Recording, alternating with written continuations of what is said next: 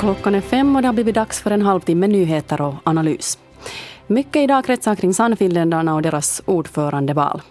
Idag blev det klart att riksdagsgruppsordförande Sampo Terho ställer upp medan försvarsminister Jussi Niinistö tackade nej. Idag tittar vi på hur Sannfinländarna skulle se ut med Sampo Terho vid rodret.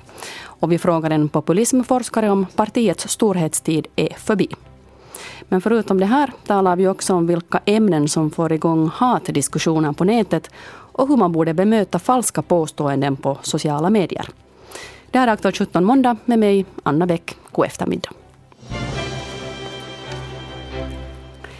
Ja, riksdagsledamot Sampo Terho kandiderar alltså för posten som Sannfinländarnas ordförande. Terho sa att han visste redan för länge sedan att han ställer upp sen när Timo Soini drar sig undan.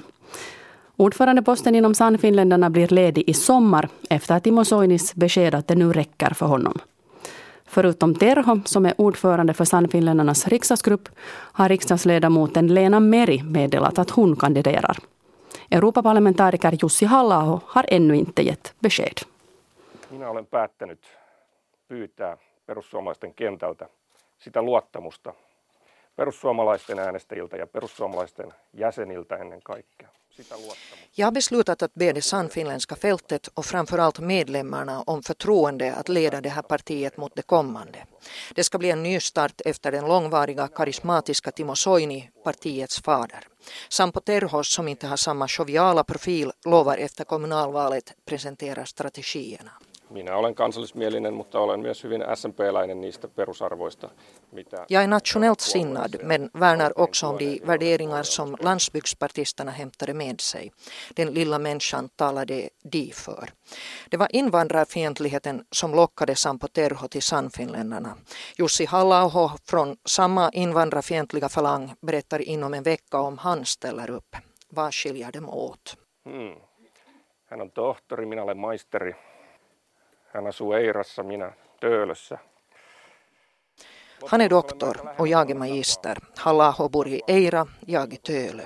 Men vi är ganska lika politiskt på många sätt i EU och invandrarpolitik. Terho säger att han har satsat mera på ekonomi. Av dem är Sampo Terho den öppnare, socialare om än han lite artigt lindar in sina spetsiga kommentarer och Terho har nog lite fler strängar på sin politiska lyra. För halla är invandringen allt.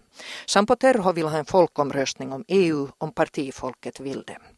Han tar en viktig ministerpost om han blir vald. Han säger ingenting om ifall han låter Timo Soini fortsätta som utrikesminister, vilket Soini önskar. Han är också redo att bli Sannfinländarnas presidentkandidat och hans avoghet mot svenskan är bekant.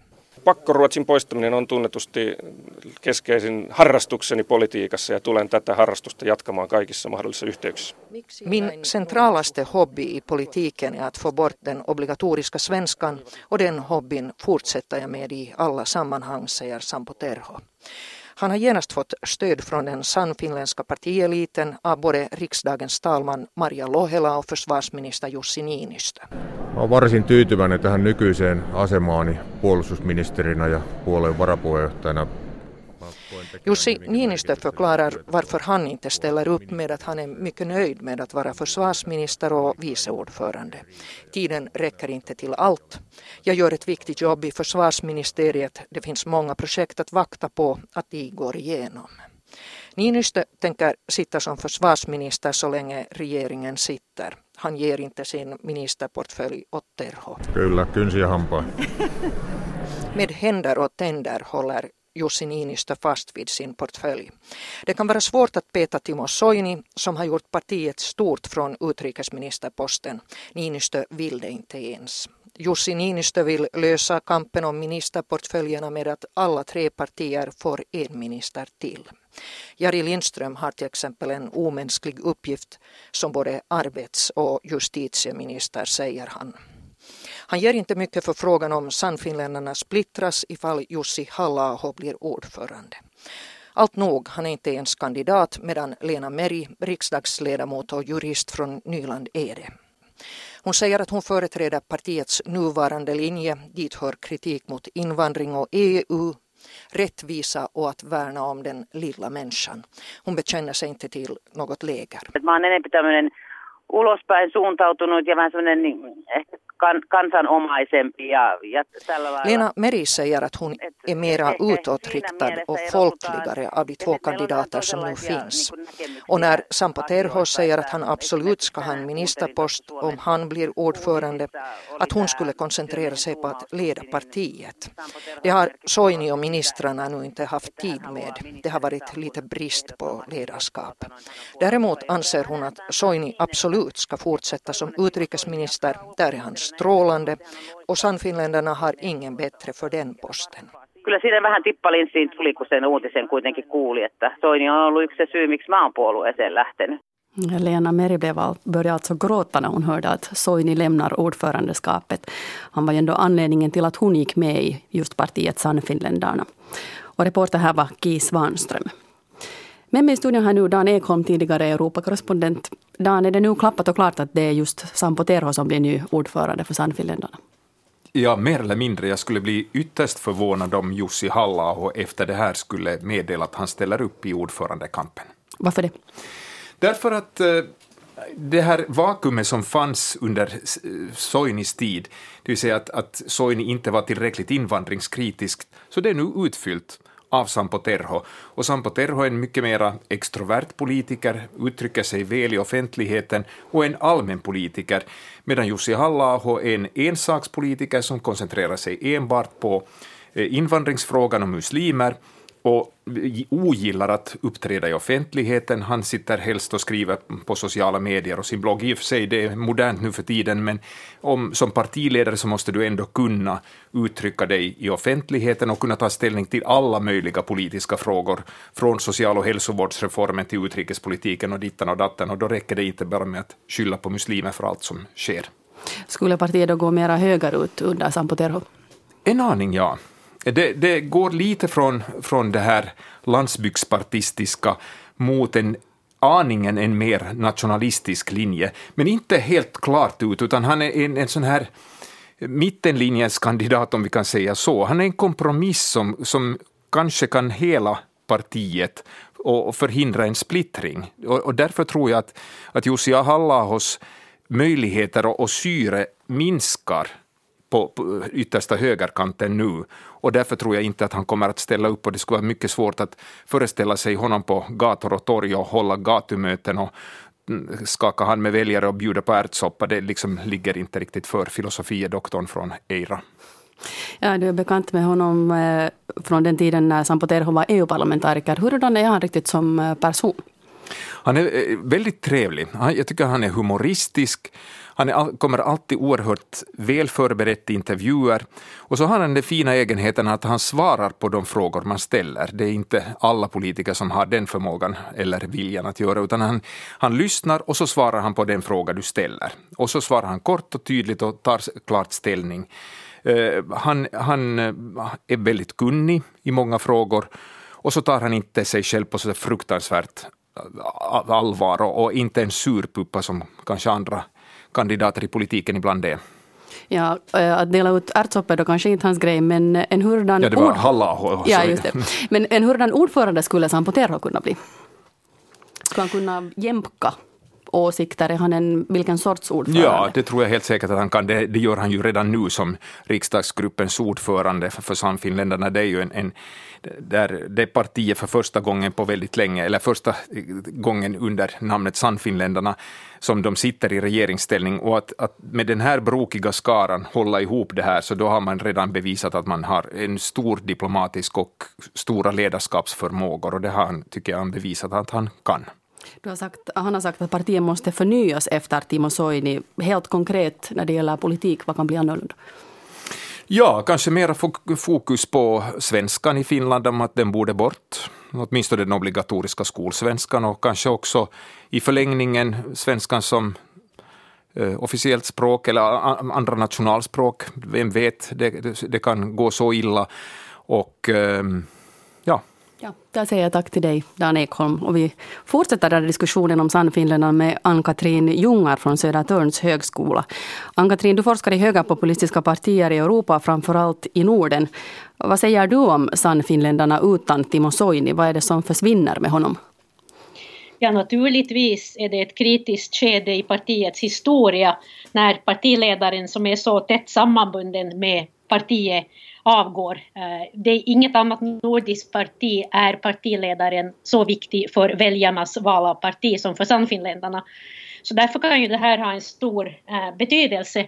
Men om man då blickar ut över Norden och tittar på andra partier som har bytt ledare, till exempel Eh, det norska Fremskrittspartiet när Siv Jensen tog över efter Karl I Hagen eller när Christian Thulesen Dahl tog över efter Pia Kjaersgaard så har partierna fortsatt växa elektoralt. Och eh, i Norge så trädde ju Fremskrittspartiet in i regeringen så det behöver inte vara en ödesfråga och att partiet försvinner men, men det kommer att ha betydelse eh, på, på olika sätt både när det gäller att, att vilken politisk profil partiet presenterar till väljarna men också också då hur man kan hålla samman partiet och partimedlemmarna i en, i en eh, sammanhållen organisation. Ja, om du jämför Sannfinländarna med andra nordiska populistpartier, Fremskrittspartiet i Norge, Dansk Folkeparti i Danmark och Sverigedemokraterna i Sverige. Det går ju bättre för de här nordiska systerpartierna. Varför eh, har Sannfinländarna blivit ett så litet parti? Det handlar ju om eh, regeringsdeltagande och att Sannfinländarna har fått kompromissa på tre viktiga frågor. Det handlar ju både om, om eh, EU, stödpaketen till EU, invandringsfrågan, alltså efter flyktingkrisen och de eh, socioekonomiska nedskärningarna. Så att partier som sitter i regeringen och som får kompromissa på sina allra viktigaste frågor så lider ju oftast nederlag i opinionen och det är ju det som, som Sannfinländarna erfar just nu. Och sen har det väl samtidigt också blivit ganska tydligt att det finns den här Ehm, splittringen eller de två fraktionerna inom Sannfinländarna. Det har ju varit ett flertal kriser där ledande företrädare för Sannfinländarna har blivit dömda för hatbrott och det har ju också lett till en viss intern kritik där medlemmar eh, har avgått, hoppat över till andra partier och där man nu också har sett ganska tydligt att Sannfinländarna har svårt att rekrytera eh, kandidater inför kommunalvalet. Vilken riktning tror du nu att Sannfinländarna kommer att ta efter Timo Soini? Sampo Terho representerar ju den här mer nationalistiska falangen och han aviserar ju att han om partiet så vill eller partimedlemmarna så vill så kommer han att utlysa en folkomröstning om, om EU. Och det pekar ju på en radikalisering. Det gäller ju också hans uttalande om att han vill ha en skärpning av invandringspolitiken och synen på det svenska språket. Så där tror jag nog att man kommer att se en, en radikalisering i partiets positioner i, i den uh, frågan. Man kan väl också tänka sig Sampo Terho när han var, uh, när Sannfinländarna gick med i regeringen, så, eller in, innan, inför det så presenterades ju ett, ett ekonomiskt program av Sampo Terho och han intog också en ekonomiskt mer högerliberal position. Så man kunde också tänka sig en svängning eh, i den ekonomiska politiken eh, för, för partiets vidkommande med Sampo Terho i ledningen. Eh, finns det någonting då som de borde, inom citationstecken, borde satsa på för att komma upp till tidigare popularitetssiffror? Det är väl svårt att, att säga, men om man tittar på vad, vad, som, om man jämför med de övriga nordiska partierna så tycks ju Dansk Folkeparti fortsättningsvis vara ett parti som framgångsrikt kan påverka politiken, har inflytande och samtidigt bibehåller sitt, sitt elektorala understöd. Eh, och det som Dansk Folkeparti har gjort det är ju det att de har stannat utanför regeringen som ett stödparti. Nu är ju den danska situationen annorlunda eftersom man har minoritetsregeringar och därmed kan ju partier i opposition ha inflytande. Eh, det är ju svårt att säga vad som kan bidra till att ett, ett parti Ehm, kan bibehålla eller öka sitt understöd. Men, men det är ju de här kompromisserna och att man har då övergivit en del, man har blivit en del av etablissemanget, man har inte kunnat utnyttja den här antietablissemangsretoriken. Och det är väl kanske det man kan ana med Sampo Terhos eh, tal om att utlysa en folkomröstning om EU-politiken. För inträdesbiljetten till Sannfinländarna i regeringen var ju att man under partikongressen 2013 sa att det var ingen, man, man, man eh, sa vi att man, man inte, Sannfinländarna krävde inte längre att Finland skulle gå ur eurosamarbete. Och nu så har man, ser, verkar det ju som att, att man lyfter fram EU-politiken igen som en fråga där man kan profilera sig som ett, ett antietablissemangsparti. Så det är väl en, en, en strategi som jag anar att partiledningen kommer att, att driva. Helt kort kan man dra slutsatsen att Sannfinländarnas storhetstid är förbi så är det inte, det finns många högerpopulistiska partier som har haft regeringsansvar, till exempel FPÖ i Österrike som har då lidit stora eh, väljarmässiga nederlag men som har kommit tillbaka. Där säger jag tack till dig Ann-Katrin Ljungar vid Södertörns högskola. Och en sak som de högerpopulistiska partierna brukar vara kritiska till ja, det är ju invandring och flyktingar. Och partiernas anhängare kan vara både högljudda och aggressiva, både på nätet och i verkliga livet. De som sen igen sympatiserar med till exempel utvisningshotade flyktingar kan därför undra om de ska våga visa sitt engagemang. En som har råkat ut för de främlingsfientligas ilska i form av elakheter och förtal på webben är Saga Nyrén. Allt började med ett foto som togs när hon och hennes son besökte en flyktingdemonstration i Helsingfors centrum. Och så var det en sån här kille då som hade min son i famnen och, och så hade min son tappat sin sko för de kom loss hela tiden.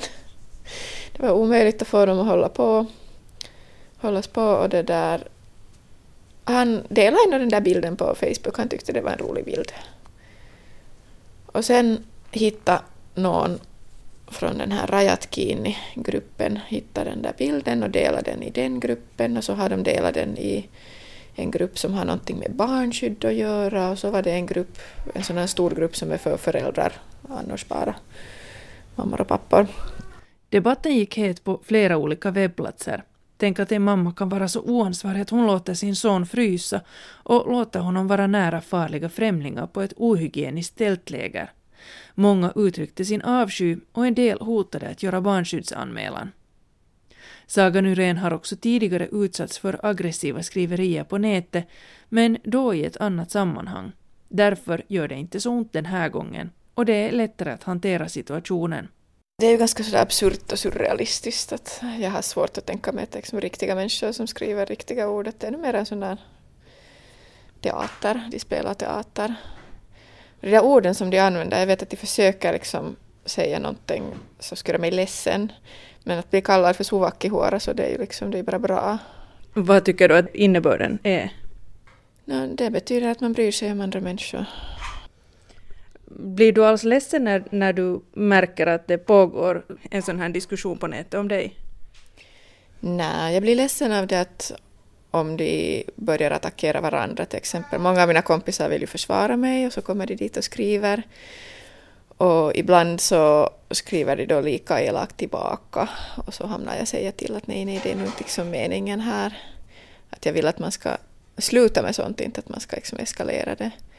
Och sen blir jag jätteorolig för de här människorna som skriver jättefult om mig och som frågar hela tiden varför hjälper jag inte äldre personer eller varför hjälper jag inte finska bostadslösa människor? För det brukar sen komma fram att de själva har problem i sitt liv, kanske oro om pengar, arbetslöshet.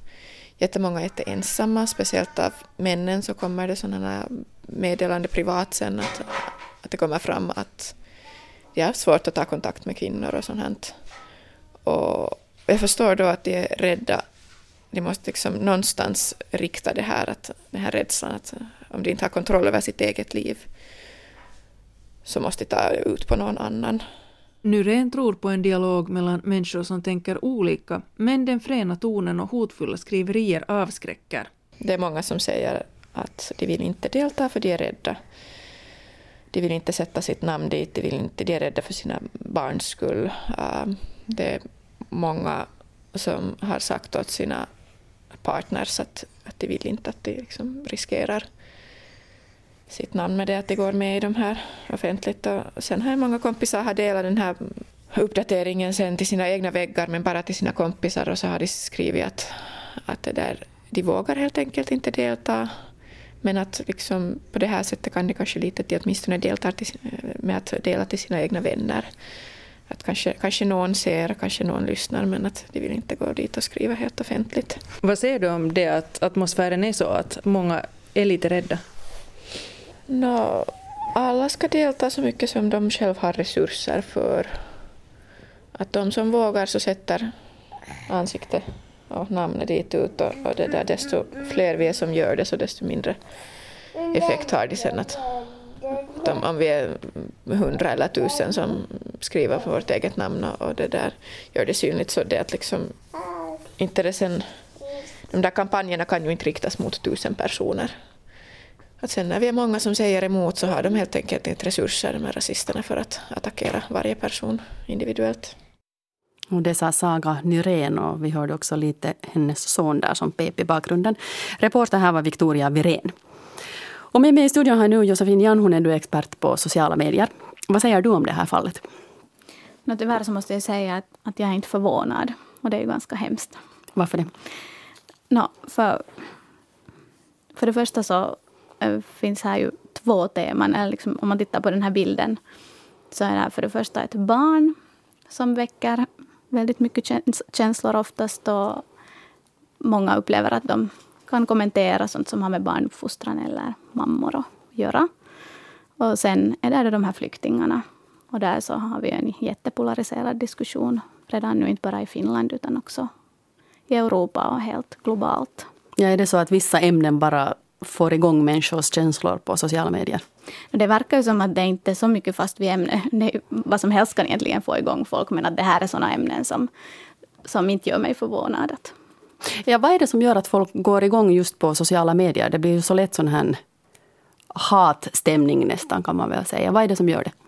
No, jag har nog funderat jättemycket på att, att vad är det som gör att så här vanliga människor som annars kan bete sig sen plötsligt inte alls kan bete sig och inte förstår att det är ett offentligt rum och att du talar egentligen till en människa med känslor. Ja, vad, vad, vad har du kommit till? No, om vi uh, igen tittar på den här bilden så så kom det ganska snabbt fram att det fanns ett sånt internettroll. Man måste komma ihåg att det är inte alltid bara vanliga människor. Utan det finns sådana, det här var till exempel en fake-profil, sådana som bara vill provocera. Och, och går och kommenterar så att det säkert ska blossa upp. Och sen så finns det andra som, som följer med. Och de är ofta nog helt vanliga människor, men kanske sådana som inte kan bete sig. Är det då någon eh, poäng med att på ett sätt då bemöta falska påståenden och säga att du har fel i en sån här tråd? No, problemet är ju det att jag själv till exempel, jag, jag orkar inte ens gå med för att man blir bara så uppgiven för att det är, nästan, det är ju liksom inte en diskussion utan det, det finns ju inte argument ofta från de här rasisternas håll utan de bara skäller. Men det är nog jätteviktigt att, att det finns sådana som ändå orkar uh, föra argument och, och hämta fakta till den här diskussionen. Helt Varför enkelt. det? För att det är ju inte bara de som diskuterar som är med i den här diskussionen, utan det är många som också följer bara helt tyst. Som nu till exempel när jag gick och, och kollade på den. Och speciellt om vi tänker att det är många unga som inte ännu kanske har valt sida eller, eller bestämt sig för vad de har för åsikt, så är det viktigt att man åtminstone erbjuder den här faktan, också för de här rasisterna. Mm. Eh, Saga Nyrén sa här att många inte vill skylta med sina åsikter. Hur, hur problematiskt är det tycker du? Det är helt okej okay att man inte vill föra fram allt på sociala medier. Och det är ju många som sysslar med samma saker som, som Saga. Att, att de hjälper folk och de hjälper flyktingar, men de bara inte berättar om det. Sen är det ju nog viktigt att det finns såna som, som Saga som vågar ta upp sådana här olika eh, ämnen. Det som, eh, orsaken till att det gick så här för henne är det att jag tror att det finns rasister som följer henne. Och hon publicerar det här den här bilden som en offentlig bild. Det var inte bara hennes vänner som såg det. Mm. Det tycker jag man ser där. Och så hit, de väntar bara på att de ska hitta någonting i en bild som de kan börja skälla på. Mm. Det är viktigt med, med människor som hon säger du, men det är ju också ett jättestort ansvar för en helt vanlig privatperson. Ja, det borde det inte vara. Där säger jag tack till dig Josefin Janhonen.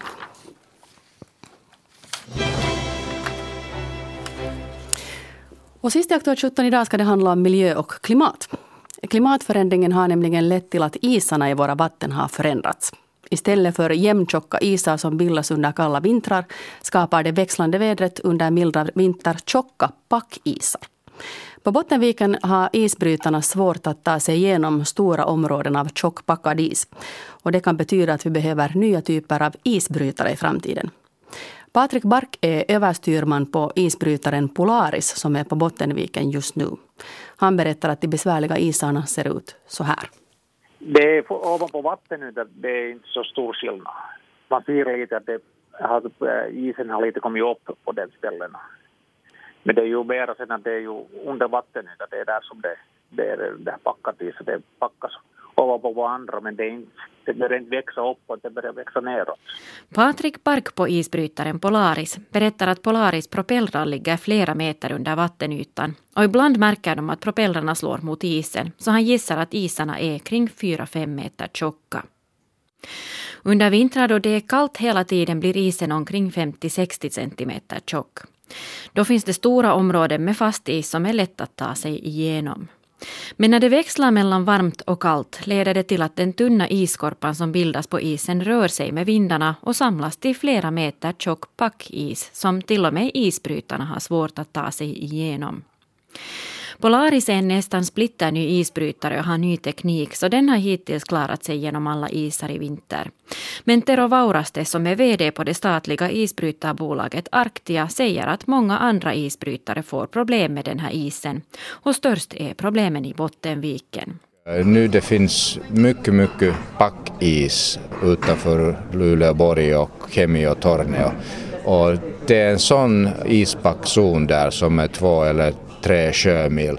Och det är nästan omöjligt att gå igenom det. Alltså, vi, vi kan bara jobba med de där eh, starkaste isbrytare och till exempel Kontio som har varit mycket, mycket bra i, i de hårda isvintrarna när vi har haft mycket is. Alltså, han har haft svårigheter att, att gå igenom det här packiszonen. Isforskaren Patrik Eriksson vid Meteorologiska institutet säger att den här typen av is blir allt vanligare i takt med att vintrarna blir mildare och då vädret växlar mellan varmare och kallare under vintrarna. Jo, det är nog alltså en, ett fenomen som man har lagt märke till under, under vad ska vi säga, de senaste 10-20 åren. För det första isvintrarna i största allmänhet lite mildare och, och vädertyperna kastar om ganska, ganska eh, friskt egentligen. Att, att eh, det har varit kortare köldperioder och så får man igen snabbt in något lågtryck och, och västliga vindar som, som kraftigt föser ihop de här isarna. Och eftersom de kanske är lite,